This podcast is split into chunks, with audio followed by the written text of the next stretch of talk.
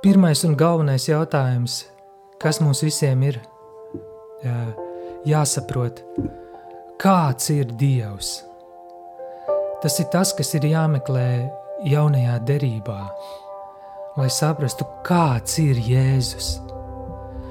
Jo tajā brīdī, kad mēs saprotam viņa bezgalīgo mīlestību un žēlstību, cik labs viņš ir, tad mēs saprotam, cik lielā mērā mēs varam uz viņu paļauties.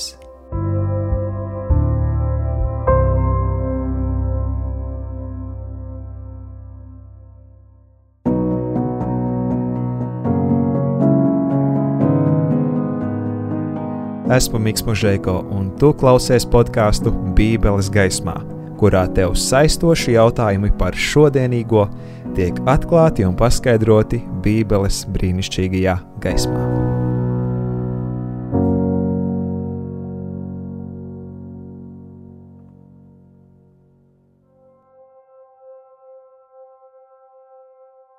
Jau divu sezonu garumā podkāsts Bībeles gaismā jūs ir iepriecinājis ar dažādiem tematiem. Piemēram, ciešanu, svētku un pat dzīvesvietas nozīme. Esam runājuši arī par pravietojumiem, par adventismu, par pandēmiju, par izklaidēm un vēl daudziem citiem tematiem, kuri tika pētīti un aplūkoti saskaņā ar Dieva vārdu. Jo mēs ticam tam, kā ir rakstīts Bībelē, ka Viņa vārds ir mūsu kāju spīdeklis un gaišums uz mūsu ceļiem. Bet ir pienācis tas brīdis, kad arī mūsu kopīgie Bībeles pētījumi caur šo sarunu ciklu tuvojas noslēgumam. Bet mēs iedrošinām, lai jūsu pētījumi turpinās, jo Dievs mums apsola un mūs aicina. Jo patiesi es jums saku, tiekāms debesis un zeme zudīs, nezudīs neviena, nevis mazākā rakstu zīmīte, ne raksta gabaliņš no bauslības. Tāpēc šajā noslēguma epizodē mēs esam aicinājuši kādu viesi, kurš šo ceļu pie dieva atklāja un nesen uzsāka un veica tieši caur Bībeles sniegto gaismu. Un šodien viņš ir mums un dalīsies savā atgriešanās, atgriešanās stāstā. Sveiks, Ernest! Sveicināti!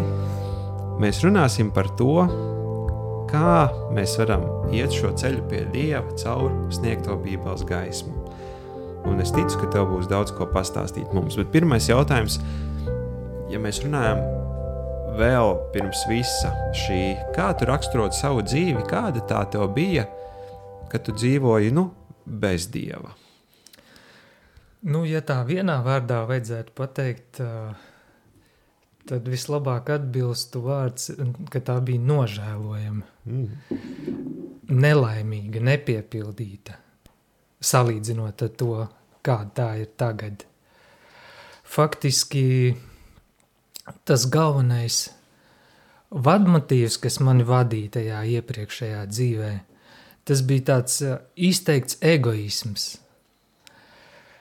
Respektīvi, tās bija tādas aprēķinā attiecības uh, ar visu pasauli.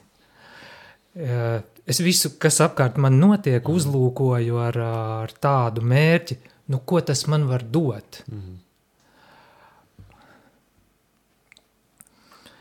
Un uh, līdz ar to es biju tāds paštaisns, uh, ļoti viegli aizvainojams. Uh, taču tajā pašā laikā man patika kritizēt apkārtējos, nosodīt. Tātad man nepatika manu viedokli, kāds uh, nepieņem. Es noteikti centos viņu pārliecināt par savu taisnību. Bet savukārt uh, citu viedokļus es centos pārmainīt un, un kritizēt. Mm -hmm. Mm -hmm. Uh, nu, tādas izmantotāja attiecības, varētu teikt. Vai tas tev arī kaut kā, tu saprati, ka tas tev kaut kā sāk traucēt tavā, tavā dzīves, dzīves posmā, ko tu ej, vai, vai tu vienkārši to nepamanīji, tāds esi un vienkārši, vienkārši nu, dzīvoji savu dzīvi, kā teikt? Nē, nu, principā tas jau pasaulīgi tiek mācīts, ka tas ir labi, ka mm -hmm. nu, mēs dzīvojam pēc tā taisnīguma principa, dots pret dotu. Ja? Mm -hmm. Ko tu ieguldi, to tu arī saņem, dots pret dotu, un ja tu kaut ko dod, tad tu noteikti sagaidi, ka tev mm -hmm. dos pretī. Mm -hmm. nu, tā savs aprēķina attiecības tādas, kurā emocijām nav vietas, kurā emocijas ir kā traucēklis, kad, kad tu tā kā iejūties otra cilvēka ādā, nu, tas tev tā kā traucē, jo tu, jo tu nespēji tik veiksmīgi veikt šo aprēķinu, mm -hmm. ko tu no tā vari iegūt. Jā. Un attiecīgi tas egoisms, viņš noveda pie koncentrēšanās uz sevi un uz savu baudu. Faktiski, nu, kā, kamdēļ tu, tu dzīvo, lai tu justos labi. Mm -hmm. Un tādēļ, kā neizbēgamas sekas tam lielajam egoismam, bija tas, ka es ie, ie, iestigu dziļās atkarībās. Mm. Un tā tad visa pasaule īsti nav svarīga, kas tev apkārt svarīgi, kā tu jūties. Nu, tad meklējam tās izklaides, meklējam tās baudas. Un vis, vislielākā atkarība, kāda man bija, apmēram 20 gadu garumā, bija uh, smaga atkarība no datorspēlēm. Mm. Viņa iesākās pakāpeniski, auga, auga un pieauga līdz, līdz pat tādam līmenim, ka es jau beigās uh, pats ar sevi domās, diskutēju. Tā. Tev tagad ir jāsaņemās, tev ir jāiet uz darbu, jāstrādā, jāpelna nauda, lai tu varētu spēlēt. Jo, ja tu to nedarīsi, tu taču nevarēsi vairāk spēlēt. Mm -hmm. Un uh, Tad, kad nu, es, es sēdēju visu brīvo laiku, visu un pat pāri tam sēdēju, spēlēju. Ja tā bija brīvdiena, es varēju no rīta kā sākt tā līdz, uh, līdz vakaram. Neskatoties uz to, ka man ir ģimene. Mm.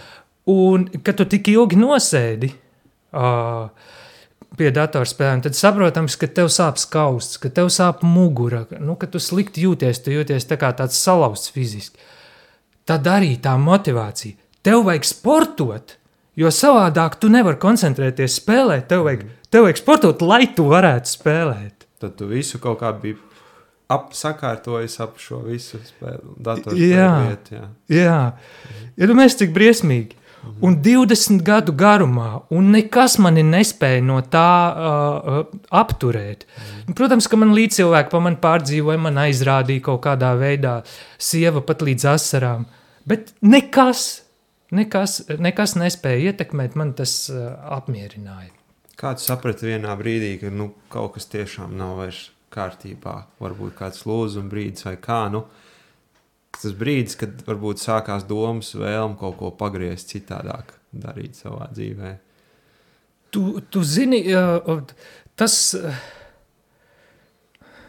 Tas, tas nebija daļa tām atkarīgām, jo, pie, mm. jo pieņemsim tādu datorspēļu atkarību, viņa nebija vienīgā. Tur ir jāmin, ka man patika pa vakariem iedzert tāliņus. Mm -hmm. Man mājās jau kaut kādu desmit gadu garumā bija apjonīgs bāriņš, mm -hmm. Nu kaut kādas 20, 30 pudeles dažādu alkoholisku -hmm. dzērienu, no kuriem es jaucu pēc, pēc attiecīgas, pēc receptēm dažādus kokteļus mm alkoholiskus tos uh, mīlēju iedzert. Mm -hmm. tad, tad bija apmēram tā, ka nu, es dzēru līdz tai maksimālajai robežai, lai man nerastos problēmas darbā un lai es varētu koncentrēties mm -hmm. spēlē. Mm -hmm. Tad uh, man bija atkarība no kafijas.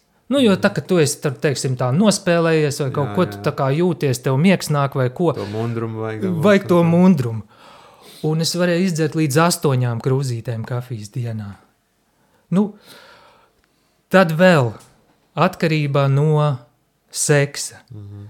Man patīk skatīties pornogrāfiju. Mm -hmm. Tajos brīžos, kad es uh, nedomāju par spēlēšanu, mm -hmm. Tad es varēju domāt teiksim, pa, nu, pa pornogrāfiju, par seksu. Visa dzīve bija pakārtot kaut kādām baudām, kaut mm. kādām konkrētām atkarībām. Un tas man apmierināja. Mm. Tas ir normāli. Es domāju, nu, tas ir normāli. Tam tā ir jābūt. Es atzinu, es esmu atkarīgs un tas man patika. Jā. Nu, jo es taču dzīvoju savam priekam. Jā, jā, jā. tu kaut kādu labumu jūti, kad no, tā, no tā var dabūt. Un... Kaut gan faktiski, faktiski uh, tagad skatoties Un es jau īstenībā to apzinājos, ka, ka no, tā, no tā visa tas, tas atstāja neizdzēšamas sekas uz tavu fizisko un uz tavu emocionālo stāvokli. Jā. Kad es biju tāds neiecietīgs, tāds agresīvs, tāds uh, uzvilkts, uh, tāds burkšķis, varētu teikt, neapmierināts. Priecīgs es biju retos brīžos, kad es sasniedzu kaut, kā, kaut ko tajā spēlē, kaut ko biju sasniedzis. Nu, tad es varēju būt priecīgs. Tāds kritizētājs īsts. Un tā izmaiņa nāca negaidot no pilnīgi citas puses. Jo Dievs ir mm, kā siržu pazinējis. Un viņš uzrunā katru cilvēku ar kaut ko tādā interesantā ceļā, ar kaut ko, kas viņam ir uh, svarīgs. Jā, jā. Un tas bija 2021. gada rudens, kad uh, tā Covid pandēmija sita augstu vilni, bija tie lockdowni, un, un, un katru dienu mēs mēdījos saņēmām tās briesmīgās ziņas, kas mm -hmm. tur notiek un kā. Mm -hmm. Taču informatīvajā telpā bija uh, tās ziņas visnotaļ pretrunīgas. Jā. Bija arī, bija arī tie vakcinācijas pretinieki un, un visādi tādi dīvaini gadījumi un, un tā kā pētījumi. Mhm. Nu, un, nu, man tomēr gribējās iepazīt to medaļas otru pusi, un sevišķi tam jautājumam sekoja mana sieva. Mhm. Un viņa, viņa man tā kā stāstīja arī to visu virtuvi, nu, to, to neredzamo, ko, ko, ko parasti nerāda. Uh, Un es biju ļoti uztraucies par to jautājumu. Viņš man ļoti uztrauca. Un man bija tāds iekšējs nemieris kaut kāds. Un tad 2021. Eh, gada rudenī nāca tas valdības rīkojums par obligāto vakcināciju. Uh, viņš bija tāds, ka, ka valsts pārvaldē vairāk strādājošie nevar turpināt darbu, ja viņiem nav tas eh, vakcinācijas certifikāts. Un tavs darbs attiecas arī uz valsts pārvaldi, ja sanāk? Jā, es, jā. es strādāju eh, nodokļu jomā, jā, jā. Un, un, un tieši līdz ar to uz mani šī prasība attiecās, ka, ja es, ja es neveicu šo procedūru, tad es tieku atstādināts no darba. Mm -hmm, mm -hmm. Un, un attiecīgi, ja tad man nebūs līdzekļi, es nevarēšu spēlēt. Pirmkārt, bet otrkārt, nu, tajā brīdī gan es jau aizdomājos dziļāk, ka, ka tomēr man ir četri bērni, un man ir dzīvoklis, kurš ziemas sezonā īpaši sadārdzinās, lai varētu apmaksāt uh, rēķinus. Mm -hmm. Un tas viss man sāka kā, griezties galvā, un iegriezās aizvien ātrāk, un aizvien ātrāk. Un, un pat cik es jau tā biju ļoti nervozs un emocionāls, jā, jā, pateicoties jā, tām atkarībām, tad, tad tas man tā pārņēma, tāds tā kā izmisums, tā kā tāda. Pilnīgi sajūta, ka es nezinu, pa grieztiem var apat, tu nezini, kur likties. Tev, tev, tev tās emocijas un tās domas neliek mierā. Viņas tev griežās galvā, un, un tu vairs pilnīgi nevar neko padarīt. Tu dienā nevari koncentrēties nekam, pat nevari pastrādāt eh, darbu, kas tev ir jāveic. Naktī tu nevari pagulēt, jo tev visu laiku griežās tas, tās domas, ko darīt, ko mm-hmm. darīt. Mm -hmm. Jo, jo es jau toreiz zināju, ka viss nebeigsies ar to vienu poti. Nu, kā mums toreiz stāstīja, viena pote tevi pasargās, viss un, un, un, un, un viss kārtībā. Uh, ar vienu vai tām divām potēm, ka tas nebeigsies. Toreiz es jau zināju, ka tas nebeigsies arī ar tām trīs potēm, kuras šodien tie, nu, cilvēki daudz ir saņēmuši.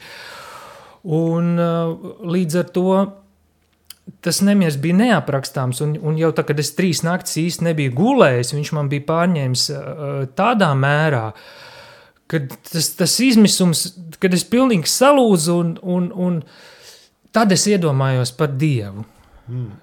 tajā brīdī. Līdz tam tava dzīve, kādas tās, nezinu, attiecības ar Dievu vairāk formāls, vai kādu baznīcu apmeklēja par reizi, vai vispār tā baigi dzīvoja savu dzīvi un neinteresējies par garīgiem jautājumiem. Nu, dzimis es esmu it kā katoļu ģimenē. Jā. Uh, mans tēvs bērnībā mani mēģināja vest uz baznīcu, bet man pilnīgi nebija intereses. Viņš man mēģināja piekukuļot tur ar saldējumu, vai ar kādu pasākumu, vai ar kaut ko citu, lai es ietu. Bet man pilnīgi nu, nebija intereses, un, un tikai teiksim, daļa tā saldējuma vai daļa kaut kā es tur izturēju to, to periodu, kas bija baznīcā jāpavada. Nu, man tas, tas prediķis vispār neuzrunāja. Nu, apmēram tev te ir jāiztur, nu, tad, Jā. tad, tad tu tur ies uz meža parku vai, vai uz kurieni. Jā. Un līdz ar to tas vienīgais, kas man ir palicis eh, no tās bērnības atmiņā, kad, kad eh, gāju uz baznīcu, ir tikai tās baznīcas dekorācijas. Nu, tur sveces, altāris, tā baznīcas iekštelpa, kāda viņa bija skaista. Jā, jā nu, tā forma, tas ārējais ir palicis. Jā, jā. Bet pilnīgi absolūti nekas no satura. Jā, jā, jā. Nekāda izpratne nebija. Jā. Un tad uh, tēvs mēģināja virzīt nu, to kā, baznīcas izaugsmi. Es arī turpat pat pieņēmu viņa, nu jā, tur komuniju pieņēmu un, un, un veicu to procedūru līdz kaut kādai uh, līdz kaut kādam noteiktam uh, etapam. Taču pilnīgi nu, bez izpratnes. Ne, nekas, nekas tā kā nebija nosēdies, nekas īsti nebija saprasts līdz galam. Es, es baidos, ka daudziem jauniešiem, nu, kas tā formāli tiek vesti vienkārši, nu, cik nu jaunieši bērni, Jā. bērni, kas tiek vesti, ka, kad viņi nu, to saturu nesaprot un viņiem viņš nepaliek sevišķi, ja viņiem ir tā pretestība, ka viņi tiek tā kā nu, īsti tā kā piespied ceļā vesti uz, uz to dievnamu. Un, un tas, tas, kas, tas, kas patiešām bija palicis atmiņā, bija tēva personīgā pieredze. Jo, jo brīdī, kad viņš nokļuva savā dzīvē ļoti sarežģītā situācijā, tad viņš vērsās pie Dieva. Mhm. Res, tad, tad es biju apmēram tīņa vecumā, kad ģimenē sākās nesaskaņas. Tēvs ar māti izšķīrās, kas pati par sevi bija liela traģēdija, jo mēs bijām seši bērni. Un viņš bija tik salauzts, viņš mēģināja kaut kā, kaut kā aizbēgt no tās vides, kur viņš dzīvoja. Viņš uh, pārcēlās uz laukiem, neskatoties uz to, ka viņš visu dzīvi bija garīgā darba darītājs. Viņš bija mikrobiologs, uh, veica pētījumus, viņš gandrīz aizstāvēja doktora disertāciju. Nu, tur pa mikrobioloģijas un gēnu inženierijas jautājumiem. Un pat cik sākās tā ģimenes nestabilitāte, tad viņš nu, līdz galam neaizstāvēja doktora disertāciju. Tāda veida cilvēks pilnīgi negaidot nolēma aizbēgt no visu un pārvākties uz laukiem. Bet viņam nebija nekādas nepieredzes, ne zināšanas, nekas un līdz ar to viņš tajos laukos arī cieta vienu neveiksmi pēc otras. Viņam tas, ko viņš bija iecerējis kādā veidā nopelnīt, viss izgāzās. Un viņš bija tik salauzts, ka viņš vērsās pie Dieva, pie, pie, pie, nu, pie ticībām meklēja uh, palīdzību. Un es atceros, kā viņš, kā viņš lūdza skaļi Dievu, kā viņš dziedāja kā viņš nu, runāja par Dievu. Tajā brīdī, kad es no malas uz viņu skatījos, tajā brīdī man viņš likās nožēlojams. Jo, nu, kā jaunietim, es lasīju pilnīgi pretēju literatūru. Um, es lasīju Džeku Londonu, mm -hmm. kur, kur tika pozicionēts tas stiprā vīrieša tēls, uh, ka tu esi stiprs, saņemies, tu esi izdzīvotājs. Džekam Londonam ir sevišķi daudz nu, tā izdzīvošanas tēma aktuāla, ka tu ar, ar savu gribas spēku, ar savu vīrišķību, ar savu fizisko uh, pārvari tās dzīves grūtības. Un te bija pilnīgi salauzts mans tēvs, kurš, kurš lūdz Dievu. Bet uh, pēc tam, tad, kad es pats biju nokļuvis šajās grūtībās, jā, jā. kaut kādās, kur, uh, kur es nesapratu, kā rīkoties, jā. tad kaut kā intuitīvi uh, es atcerējos par Dievu, jo tomēr tas, ko mūsu vecāki dara, tas, uh, tas kaut kā pat neapzināti mums pēc tam dzīvē uh, izpaužās mūsu rīcībā. Jā, tā kā pārmantojās tā varbūt. Nu, nāk līdzi, jā. Jā.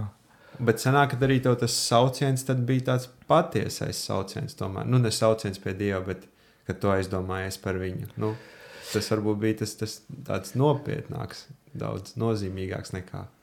Nu, jā, nu, kā, kā jau es teicu, es biju tādā pilnīgā em, emocionālā izmisumā. Mm. Kad tu trīs dienas uh, neesi gulējis un, un, un, un, un ne die, dienu un nakti esi mocījies ar tām, uh, ar tām pārdomām, ko tagad darīt. Mm. Jo Es ļoti nevēlējos vakcinēties. Man bija, man bija kaut kāda tāda iekšējā, pa, pa, iekšēja sajūta, jā, jā. ka to nevajag darīt, mhm. kad kaut kas mani atturēja.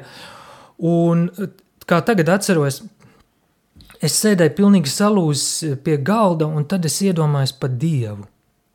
Un es tā kā prātā viņam jautāju, ko man darīt? Dievs, nu tāds jautājums. Un tāda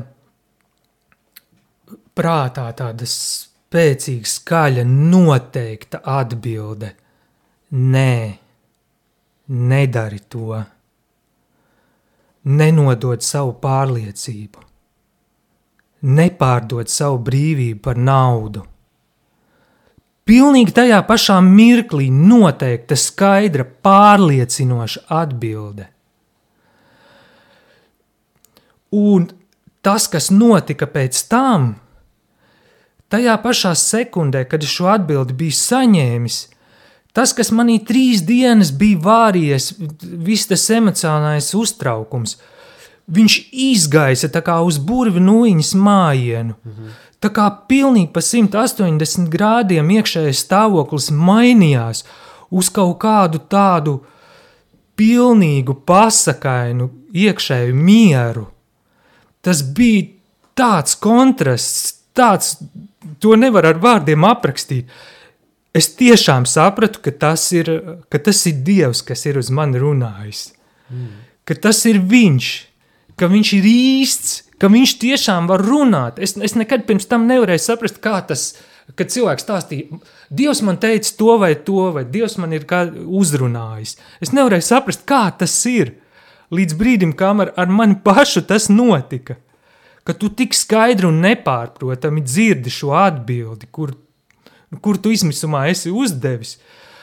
Un kā, kā tā ietekmē tavu garīgo stāvokli, tavu mm. garīgo dzīvi. Jā. Kad, nu. Nu, ka tas bija nepārprotami, ka tas uh, bija tieši mans jā, radītājs, jā. Kas, kas bija devis man konkrēto atbildi. Interesanti jau noteikti būtu zināt, kā tas tev tālāk ved uz priekšu. Nākamās dienas, vai, vai tas tev bija kā pamudinājums interesēties par viņu vairāk, vai varbūt nopietni sāk pievērsties pie viņa un iepazīt viņu personīgi, vai kā tev tas viss turpinājās? Tieši tā, tad, tad kad es biju saņēmis šo apjausmu, ka Dievs ir īsts, ka Viņš eksistē, ka Viņš ir runājis ar mani, tajā brīdī es sapratu, nē, es gribu par viņu uzzināt. Mm. Es gribu uzzināt par viņu vairāk. Uh, lēmums bija pieņemts, manī bija iestājies iekšējais miers, ka es nevakcinēšos. Un tad es ņēmu Bībeli un vienkārši sāku lasīt, lai uzzinātu par Dievu. Jo viņš ir īsts, jau tā ir patiesība. Mm -hmm. Tad man šī patiesība ir jāuzzina līdz galam. Mm -hmm. Es uh, centos un dedzīgi sāku lasīt Bībeli. No, visu izlasīt tā no sākuma līdz galam. Vai kā tev gāja to lasīšana? Nu, uh, īstenībā bija tā, ka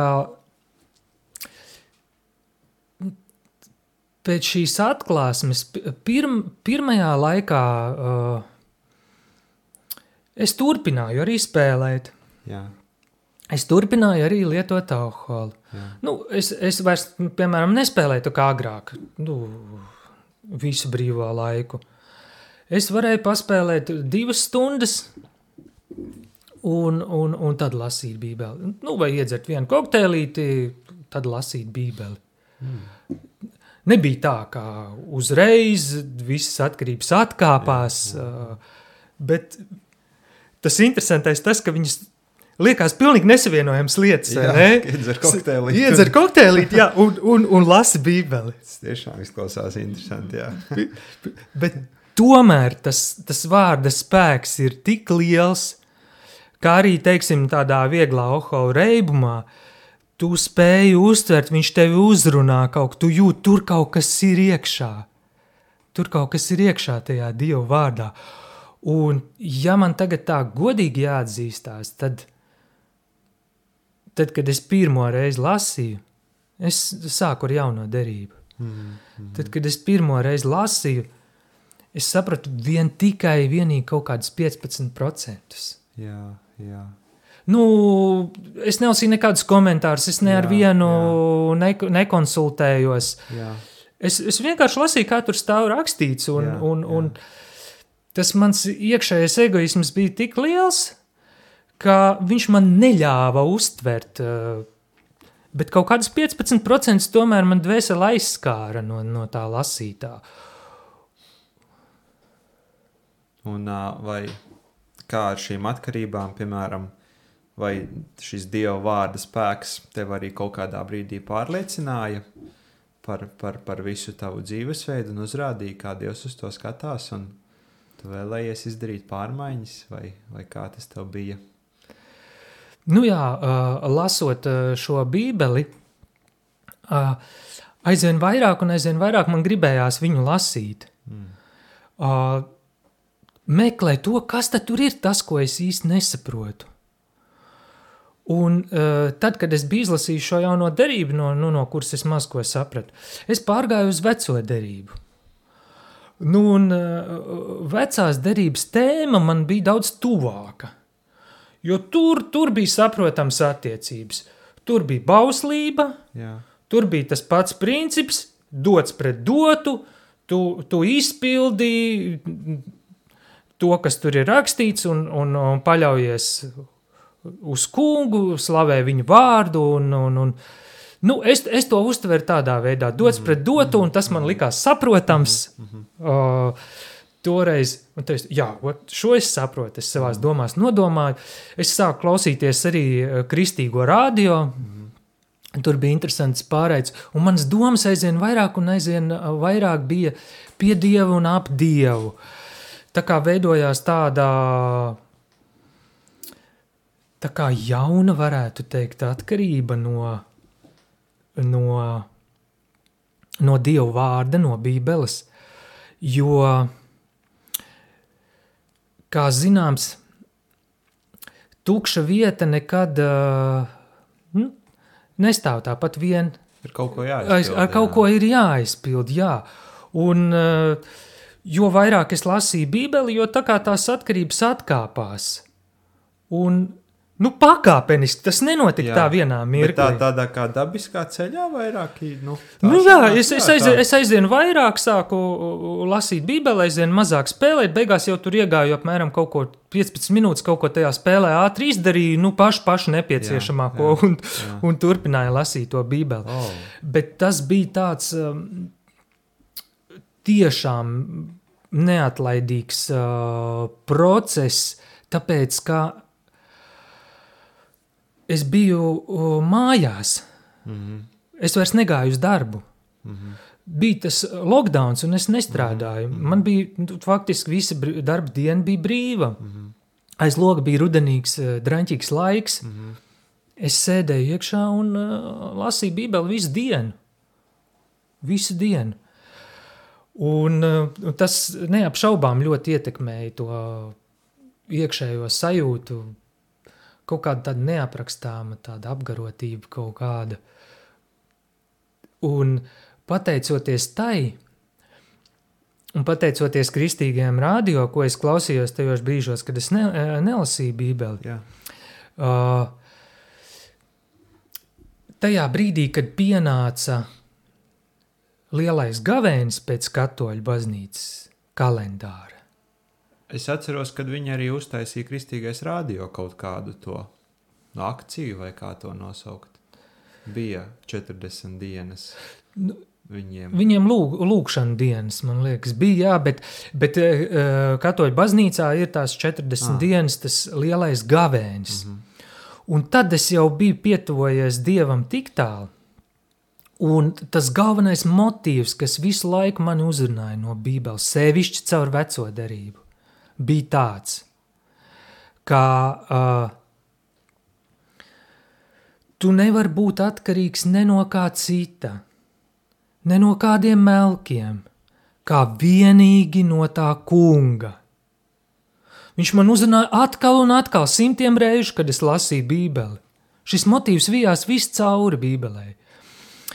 Un tad, kad pienāca šis gavēnis, tajā brīdī es nospraudu, kad es pagodu tam kungam nespēlēšu visu gavēni, un es visu gavēni nelietošu alkoholu par godu tam kungam, savam dievam. Mm. Un tā apņēmība bija tik stingra, ka es tiešām tā arī noturējos, ka es eh, tātad līdz ar lielo gavēni, tās 40 dienas, tātad bez šīm, uh, div, uh, bez šīm atkarībām, ah, un, un arī es izdzēsu no sava datora visu pornogrāfiju, mm. visus tos saitus, mm pilnīgi. Un tad jau es pilnīgi nodevos Bībeles lasīšanai un, un, un dievvvārta pētīšanai. Un Kā bija pēc šī 40 dienām? Uh, faktiski,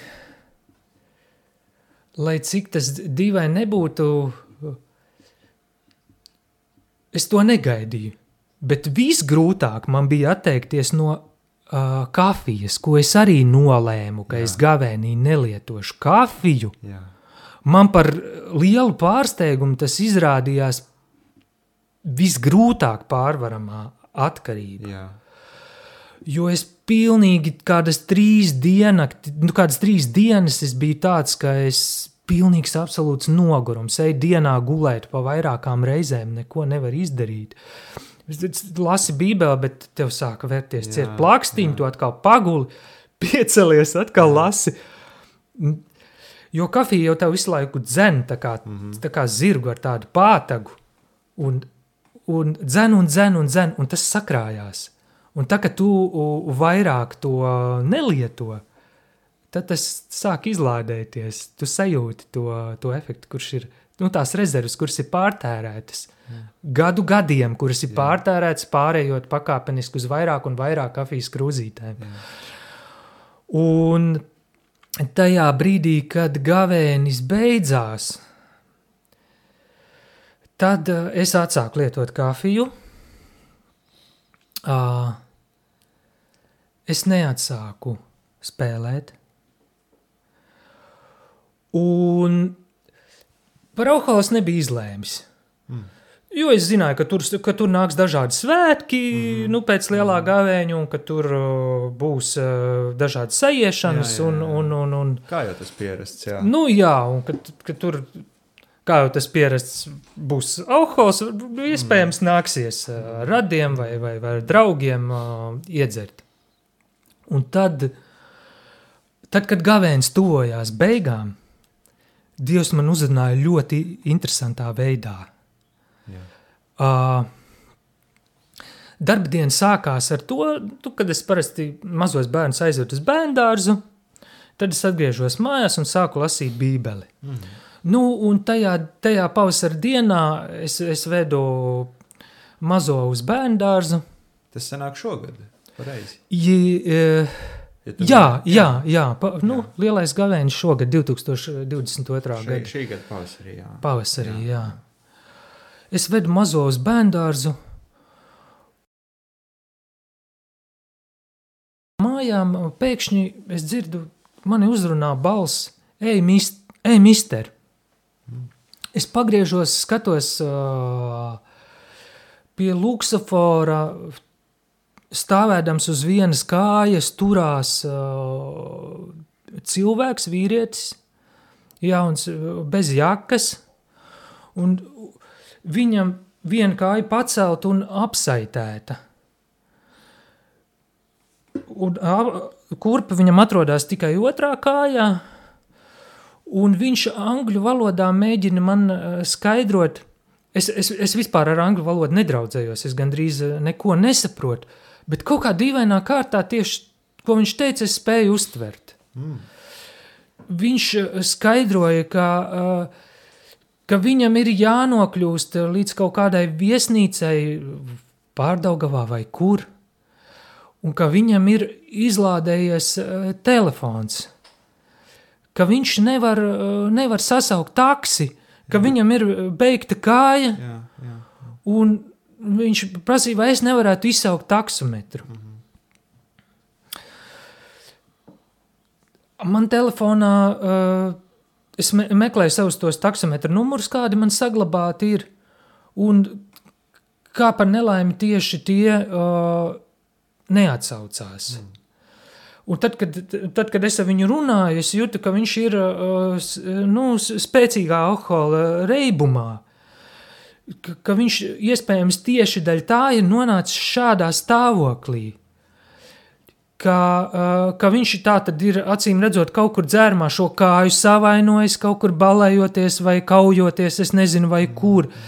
Viņš ir uh, daļ tā pieļāva šo stāvokli, ka viņam pilnīgi izlādējās telefons, viņš ārzemnieks būdams pilnīgi svešā vietā, svešā pilsētā, vispār nu, nesaprot, ko tagad darīt, viņš pat nenotiek, nenokļūst līdz savai viesnīcai. Mm -hmm. Par cik es savā tālrunī nevarēju atrast ne, nu, ne, nekā kā izsaukt taksometru, tad es vērsos pie garām gājējiem. Nu, mm -hmm kādi divi arī man nevarēja palīdzēt. Tad, tad es skatos, nu man taču bērns ir jāved ir uz bērndārzu. Un, nu, es viņam ieteicu, es saku, zini, ej uz Čaka ielu. Tur, tur taksometri brauc daudz biežāk Jā. nekā, nekā uz Krišāņa barona ielas, kur tikai tramvajs iet un te taksometri retāk, es saku, brauc. Jā, jā. Un tā es aizgāju. Man ir jāiet kaut kādi trīs kilometri turpat pakaļ līdz bērndārzam.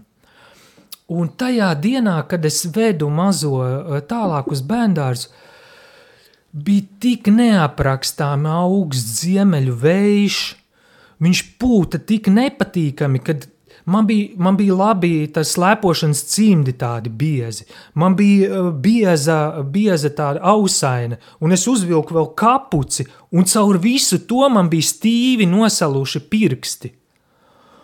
Un tad tad visu to ceļu, kam es gāju, man stāvēja tā aina, šis cilvēks bez jakas, bez cepures, turās pie tā luksofora, viņš man uzrunā.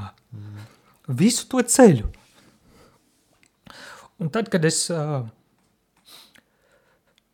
mazo biju aizvedis, es gāju atpakaļ, un, un uh, man bija tā iekšējā sajūta, ka man jāiet nevis par, nevis pa to ceļu, pa kur es parasti pa Krišāņu baronu ielu gāju savām mājām. Bet pat cik es viņu biju aizsūtījis uz Čakielu, man bija sajūta, es noiešu pa Čakielu. Un es eju pa to nenormālo augstumu, sniega pārslas vējš man sit sejā. Un es eju, un es redzu, viņš tiešām joprojām stāv uz tās čaka ielas. Un nav neviens taksometrs apstājies. Viņš jau kļūst tāds pavisam lēnīgs, stāv maliņā pie mājas, pieslēdzies uz savas vienas kājas. Un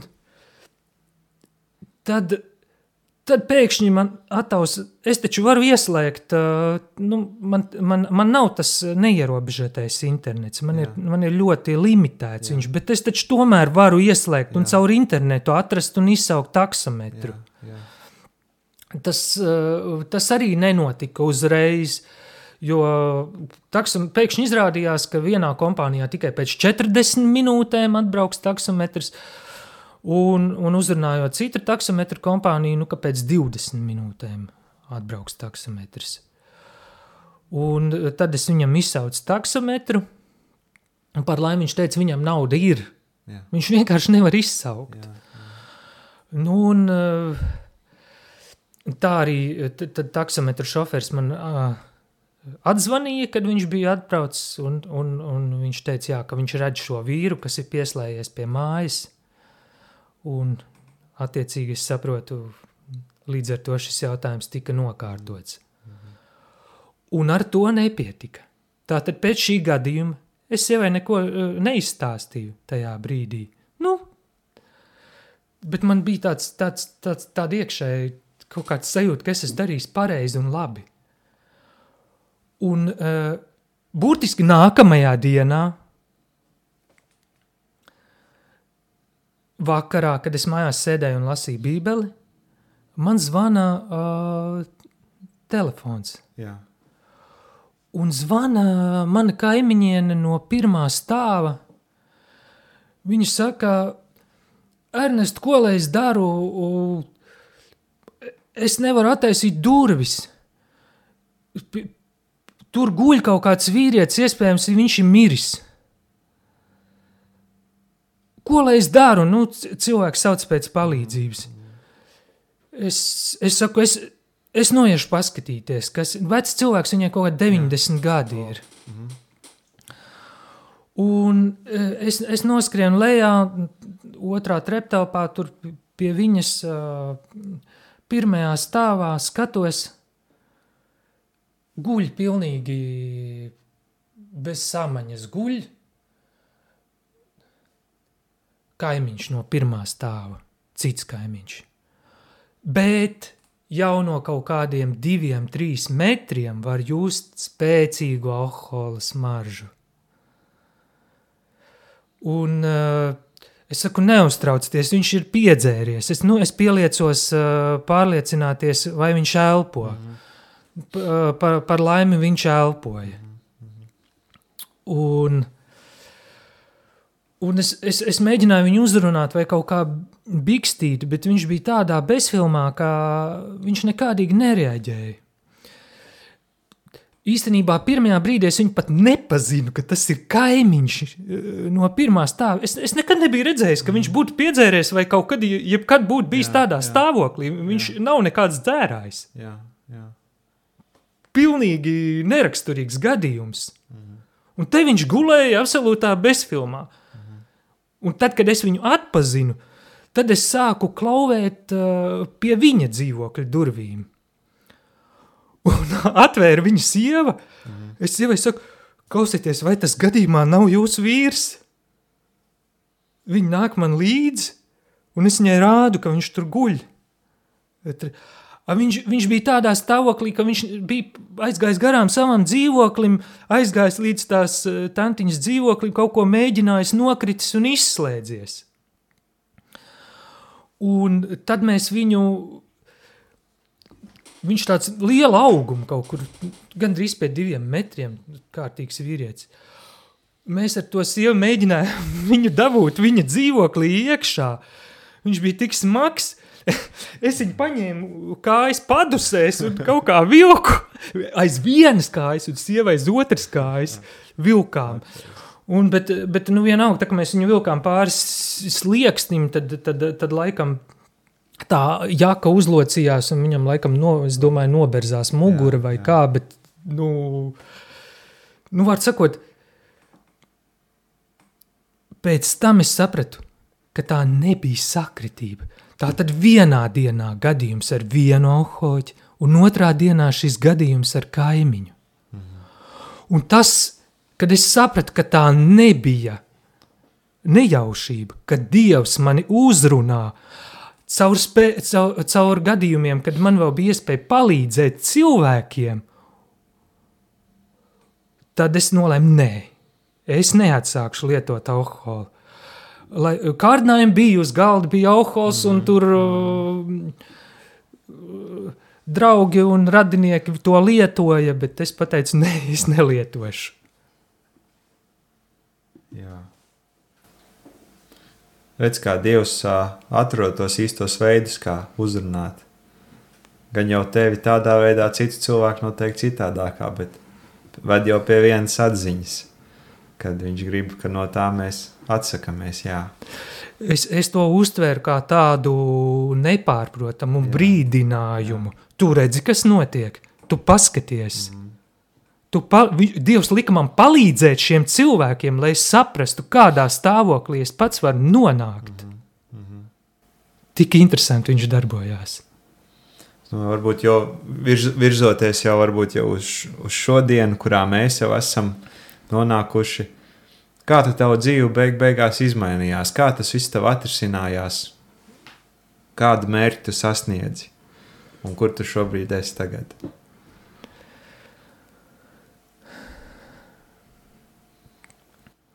Nu, tas, tas, tas pirmais ir Es, es jau agrāk biju dzīvē sapratis, ka, nu, ka es nevaru dzīvot bez atkarībām.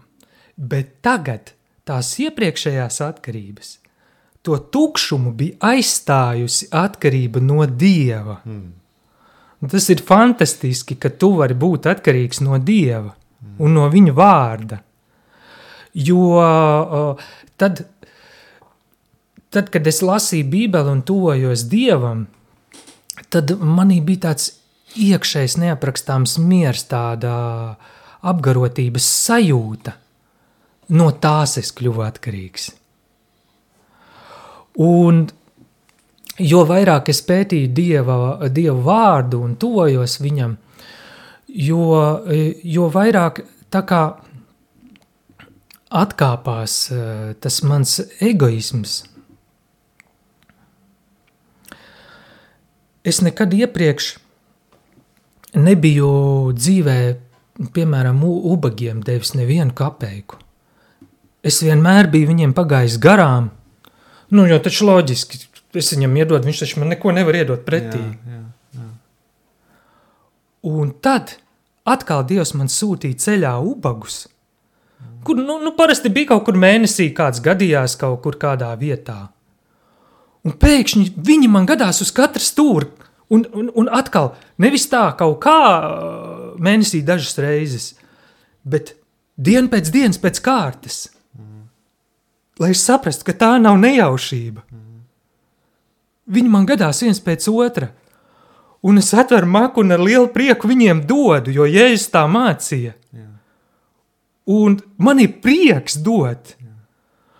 Un tad, kad es gāju parkā, es redzu vecs cilvēks acīm redzot, viņam vajag zālēm vai, vai maizei.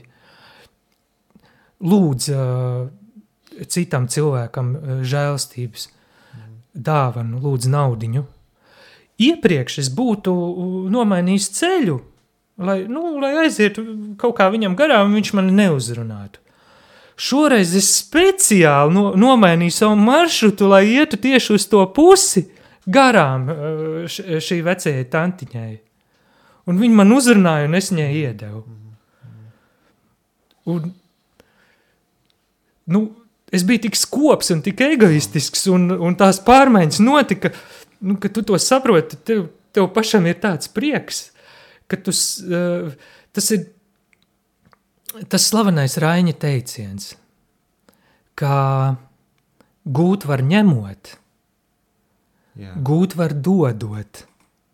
Dodot, gūte, eh, dodot gūtais, neatņemams. Mm. Principā tas ir tas pats princips, ko Jēzus māca jā. jaunajā derībā. Jā, jā. Vai arī Dievs tev vadīja pie kādas draudzes, pie kuras tu šobrīd piederi? Jā, jo, jo, jo vairāk es uh, lasīju Bībeli, jo vairāk man radās jautājumi.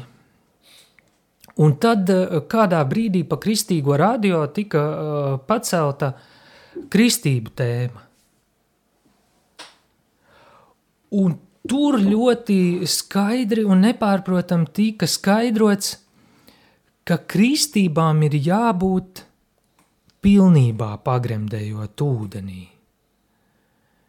Ka tas ir tas simbols par, uh, par garīgo nomiršanu un jā, atzimšanu. Jā, jā. Ka, ka tieši tā ir notikušas kristības uh, Jēzus laikā, un šī doma man nedēļa mieru. Un tādēļ viņi visu laiku man tā kā urdīja prātā, kā Kaut arī es bērnībā biju katoļu baznīcā, tā kā nu, tur apslacīts ar to ūdentiņu, bet kristības nebija notikušas tādā veidā. Un, kā jau es teicu, man nekas iekšēji no tā laika nebija palicis. Es neko īsti nebiju sapratis. Tas bija viens aspekts, un tad atkal Dievs uzrunāja caur to, kas man bija svarīgi. Jo pa, atkal pa kristīgo radio vai, vai kaut kur citur mēdījos es biju sastapies ar informāciju, ka kāds no adventistu mācītājiem bija atļāvies pateikt, ka vakcinācijai nav jābūt obligātam, ka tas nav tā kā obligāts kristieša pienākums tagad vakcinēties – ka tā ir brīva cilvēka izvēle. Un viņš tika nosodīts un kritizēts, šis mācītājs. Bet es tā hm, sāku šo jautājumu apspriest ar sievu. Un uh, sieva stāsta, jā, zini, studiju gados manā kursā tur bija tāda studentu grupiņa adventisti. Viņi pulcējās, spēlēja uz ģitāras, dziedāja jaukas dziesmas, viņi bija tādi ļoti atvērti, pozitīvi cilvēki. -hmm. nu, es tā, nu jā. Uh, tad no 1. mārta valdība izdeva lēmumu, ka, ka var atgriezties uh, darbā. Jā. Tad, ja darba devējs uzaicina, tad, tad var atgriezties arī tie nevakcinētie. Un uh, es biju starp tiem, kurus pasauc un kas atgriezās. Nu, un cita starpā uh, man priekšniece saka, ka viņai bija draugs adventists no kopš studiju laikiem, un viņš uh, ir uzstājies ar, ar svētrunu savā draudzē, un atsūta man uz ēpastu to viņa svētrunu, lai es noklausos. Viņš saka, uh, Viņiem tur ir ļoti jauki paskaties. It kā pilnīgi nesaistīti. Jā, ja? Pēkšņi vienkārši. Jā. Es, es atkal domāju par adventistiem. Jā. Un tad, tad es sāku tā kā mm, aizvien vairāk domāt un domāt. Un sakrit vēl arī tas moments, ka brīdī, kad es atgriezos darbā, Mm, man vairs nebija tik daudz laika, lai es varētu studēt Bībeli. Kaut arī es viņu biju izlasījis visu trīs ap pus mēnešu laikā. Tomēr, uh, tomēr nu, es viņu uh, mēģināju pārlasīt dažas vietas, sevišķi jauno derību, kur es no, kur es no pirmās reizes nebiju sapratis. Un tad, kad es atgriezos darbā no tās apgarotības uh, un no tās tuvības, ko man sniedz Dieva vārds, tad man bija tāda sajūta, ka es esmu iemests kaut kādā tādā ļoti pasaulīgā vidē. Tā kā tādā garīgajā Eģiptē es esmu atgriezies. Pilnīgi tāda sajūta, tur kolēģi runāja par kaut kādām uh, pasaulīgām lietām, oh, jā, jā, jā. kas par kaut kādām precēm, aprunāja tur priekšniekus, aprunāja viens otru, un pilnīgi tu jūti, ka tu attālinies no tā visa, ko tu esi sasniedzis, ka, ka tu tā kā krīti atpakaļ. Un, un, un arī ģimenē man īsti, es, es tā kā pionieris biju. Ģimenē man arī nebija tādi cilvēki, uh, tajā vidē, kurā es dzīvoju, kas varētu mani stiprināt. Un tad es sapratu, ka, ja es negribu zaudēt šo ceļu, tad man noteikti ir jāmeklē draudzene, man ir jāmeklē cilvēki, ar kuriem es varētu kontaktēties, nu, kas varētu mani stiprināt. Mm. Un es sāku meklēt, vienkārši atvēru internetu un sāku meklēt. Un par cik uh, es biju dzirdējis tik, uh, jau par adventistiem šī, visa šīs lietas, Es atvēru un es konstatēju, ka adventistiem tās kristības ir tieši tādā veidā, kā es to vēlējos.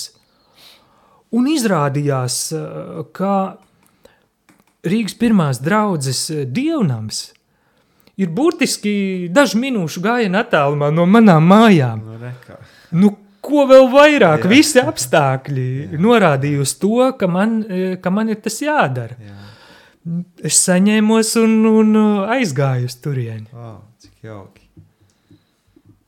Tad, tad arī tiešām Dievs tev deva piedzīvot to, ko tev sirds ilgojās, ja dabūt caur šo, caur šo pieredzi, ka tu aizgāji uz adventis draugu. Uh, jā, jo tas bija interesanti. Nu, es ienāku tajā dievnamā, bet es, es tur esmu tajā hallē, un es īsti nesaprotu, uz kura pusi kas jādara, kur jāiet. Es tā skatos pa malām, un pēkšņi man pienāk draudzīga sieviete. Viņa, viņa prasīja, uz ko meklējat. Es saku, nu, es te pirmo reizi ienācu. Viņa saka, es, nu, es jau biju, protams, pēc tam paskatījos, cik os tur kas sākās, kas jā, sākās jā, desmitos, jā, jā. desmitos no rīta. Bet viņa, viņa man saka, zini, desmitos sākās Bībeles izpētes sabats skola. Jā, jā. Balkonā nāca, un viņi man paņem aiz aukoņu un uzveda, parāda ceļu, uzveda augšā, kur, kur balkonā sākās uh, tās Bībeles apmācības. Jā, jā.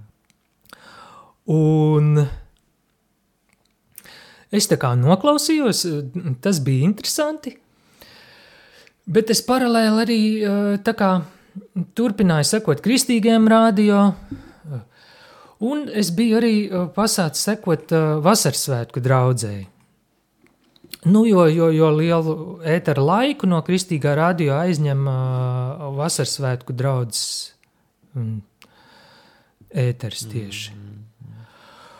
Un, uh, tāpēc es biju pasācis arī vasaras svētku draudzē klausīties svētrunas internetā. Bet tūmā man nebija īsti neviens dievnams no... Bet vienalga, visu laiku iekšēji bija tāds, nu tā kā, vai tiešām uz adventistiem var būt mm. tur, varbūt mm. nē. Mm. Un tad kaut kādā trešajā vai ceturtajā reizē, kad es aizgāju uz to adventistu sabata dievkalpojumu. Man pilnīgi negaidot, es ieraudzīju tādu ainu, ka ir atvērta vaļā skatuve, tāds milzīgs vāks, un, un tur ir basēns. Aha. Un, st un stāv, stāv cilvēki, vīrieši baltās drēbēs, sievietes baltās kleitās, stāv un, un, un, un mācītājs saka uzrunu skaidro, kas ir kristības, Jā. un ka, ka viņi šo ceļu ir uh, veikuši. Un izskaidro visu, cik tas ir svarīgi. Un, uh, un viņš saka skaļi uh, tādus uh, vārdus: Nāc un kristies! Kas tevi kavē kristīties? Kas tevi kavē? Un es tik spēcīgi garā sajūtu šo, uh, šo vēlmi, šo aicinājumu, kas tevi kavē. Viss garš kliedz, nāc un kristies. Un es no tā balkona noskrienu lejā, pa, pa cauri visai oh. zālē, izskrienu, izskrienu uz tās skatuves. Un nostājos blakus šiem cilvēkiem, kas stāv baltās kristību drēbēs. Es nostājos savā džins biksēs, jā, nostājos jā. tur uz skatuves. Bet nu, tas ir patiesi. un, un tagad.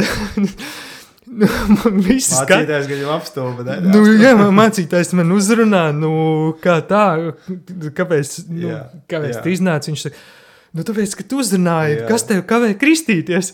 Jā. Viņš saka, zin kā, tomēr no sākuma vajadzētu iziet bībeles apmācību, un uh, pēc tam, bet tu Jā. noteikti kristīsies. Jā. Sarunāsim tā. Paņ, paņem man tālruņa numuru un, un, un sazināsimies, un, uh, un vajadzētu to bībeles apmācību iziet. Sarunāts. Nu, tā es no, nokāpu no skatuves. Jā, jā. un, un es sāku iet uz šīm bībeles apmācībām. Bet tikai pēc tam es sapratu, kāpēc bija jānotiek šim momentam. Jā, jā, jā, jā. Ka tas tāds svarīgs, nu, svarīgs moments. Jā. jā, ka tā bija tā aukliņa, kas mani piesēja pie adventistu draudzes, lai es nesvārstītos kā vēja dzīts mākonis mm. starp, starp uh, harizmātiem un starp uh, adventistiem. Un jo es vairāk pētīšos eh, Bībeles eh, materiālus, kas man tika iedoti pirms kristībām, jo vairāk pēkšņi man nāca tā gaisma, kas tajā jaunajā derībā patiesībā ir rakstīts. Pirms tam, uh, lasot veco derību, es Jēzus upuri uztvēru tādā veidā, ka, ka cilvēks tiek aicināts uh, tā kā ziedot savu dzīvību, un tad Dievs tā kā darījumu par to dod tev mūžīgo dzīvību, tā kā dots pret dotu. Jā, jā. Un pētot šos Bībeles izpētes materiālus, es konstatēju, ka nē, ka tas absolūti nav tā, ka tā ir dāvana, nepelnīta mīlestības un žēlstības dāvana, ka tas nav tāds tirdzniecisks akts. Mm -hmm.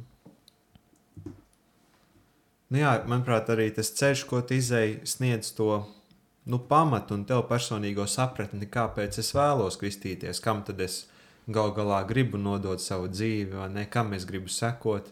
Un cik labi arī, nu, ka tu ar savu piemēru paskaidroji, jā, ka tev tas viss varēja nu, salikt pa plauktiņiem, tā dot to pamatu, uz kā stāvēt. Jā.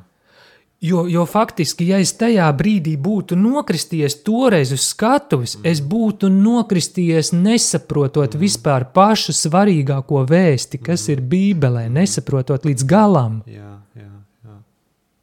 Ļoti daudz jautājumu tieši eh, lasot šos Bībeles izpētes materiālus pirms kristībām, jā. Eh, man sakārtojās. Jā, jā.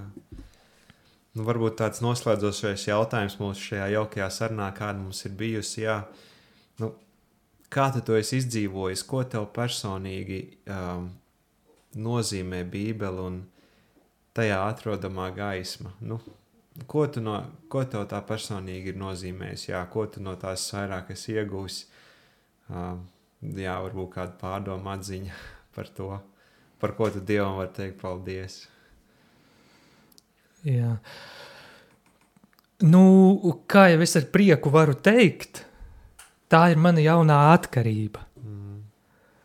Tas ir fantastiski. Es varu būt atkarīgs uh, no Dieva vārda un no tā miera, mm. no tās apgarotības, ko Viņš dod. Mm. Es dzenos pēc tā, meklēju to un tiecos aizvien vairāk un aizvien vairāk.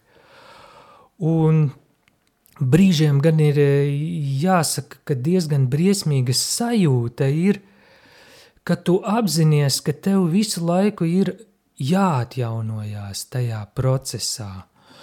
Jo tu, tev daž, dažkārt šķiet, ka tu iepriekšējā dienā esi sasniedzis jau tādu apgarotību un tādu tuvību ar Dievu. Tu aizēji gulēt, un to, tu no rīta pamosties, Un šķiet, ka tas viss ir izgājis, un ka tev jāsāk atkal no sākuma toties Dievam, lai sasniegtu to, kas bija vakar. Mm -hmm. Tā ir tāda briesmīga sajūta, kad, ka tev nepārtraukti, nemitīgi viņam ir jātuvojas un jātiecās, jāatjaunojās. Jā, lai tas parāda, ka nu, mums ir nepieciešams katru dienu jā, tā, tā garīgā maize jā, savākt, uzņemt, lai visai dienai pietiktu. Un ka nākamajā dienā atkal.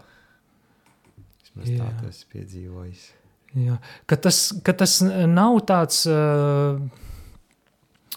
tāds process, kad, kad vienā mirklī notiek klikšķis, un tagad tu esi pilnīgi pārvērsts cilvēks, bet tas ir tāds ilgs process. Tā ir tā kļūda, man liekas, uz ko ļoti daudz cilvēku iekrīt. Mm. Ka viņi tā kā vi, pie, pieviļās, tā kā vilšanos izjūt. Uh, ka viņi gaida, ka pēc kristībām viņu dzīvē uzreiz radikāli viss mainīsies. Vai tajā brīdī, kad viņi ir sapratuši šo jēzus upuri, kad notiek šī jaunpiedzimšana, ka viņi gaida, ka viņi uzreiz kļūs par svētajiem, momentā, sekundes laikā. Man, man ļoti patīk tas jēdziens, kas ir jaunpiedzimšana. Mm ka tas ir jaunpiedzimis. Jā. Viņš ir kā bērniņš. Jā. Viņš ir pilnīgi nevarīgs. Jā. Viņš vēl neko nevar dot. Viņš var tikai uzņemt savu vecāku mīlestību. Viņš var tikai uzņemt Dieva mīlestību. Tagad, tagad tu saproti to jēzus upuri, ka tā ir tev dāvana. Tad, tad tu teiksim, tu uzsūti šo mīlestību un, un šo žēlastību sevī. Tu viņu uzsūti tik daudz, cik tev vajag. Tu, tu vienkārši neko, neko nedod pretī, tu viņu ņem.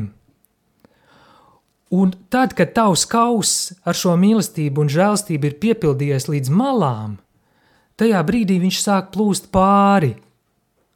Un tad, kad viņš sāk plūst pāri, tad tu pats sāc dot šo mīlestību un žēlstību apkārtējiem cilvēkiem. Mm. Tā darbojas. Tas notiek pakāpeniski. Mm. Vai tev, varbūt tev ir kas, ko tu vēlēsi novēlēt, kā stiprināt mūsu klausītājus, kas mums klausījušies, kādu, kādu atziņas vārdu sniegt, kādu novēlējumu vai jā, kādu stiprinājumu? Nu, novēlu visiem uh, pilnveidoties Dieva ziņā un nekad nepagurt. Mm. Iet tuvāk un tuvāk uh, viņam, tuvoties viņa līdzībai pirmais un galvenais jautājums, kas mums visiem ir jāsaprot, kāds ir Dievs.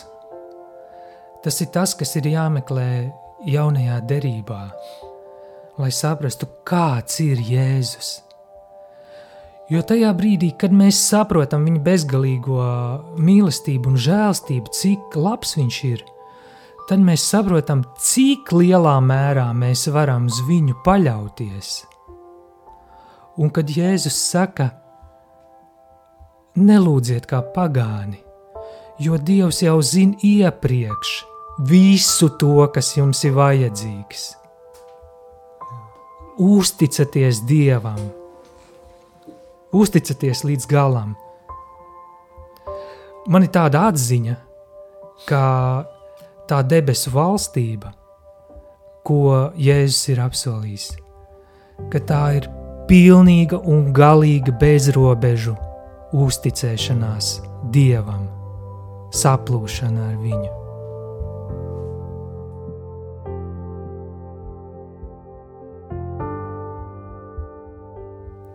Dievs patiesi mūs katru aicina, kā jau mēs dzirdējām, atsaukties viņam un uh, atzimt par Dieva bērnu. Tāds, kurš ir dzimis tiešām no paša radītāja gribas un no viņa vārda. Un jūs jau dzirdējāt, klausītāji, to gan caur šo epizodu, gan arī visām, visām iepriekšējām 19, kuras mēs esam publicējuši. Kad mēs atsaucamies viņa balsī, tad viņš atbildēs uz katru mūsu jautājumu, rādīs mums īsto ceļu, pa kuru jāsteigā un pavērs gaismā šo mērķi, pēc kura tiekties. Un slavu Dievam par šo liecību, kur jūs dzirdējāt mūsu pēdējā epizodē. Un par visu pārējo, jo mēs tiešām vēlējāmies jums katru reizi atklāt to, ka Bībele ir brīnišķīga grāmata, jo tas ir viņa vārds - ceļvedis mūsu dzīvēm. Tāpēc, lai jūs arī stiprināt šis pants, bet dzenieties pa priekšu pēc Dieva valstības un pēc Viņa taisnības, tad jums visas šīs lietas taps piemestas. Āmen!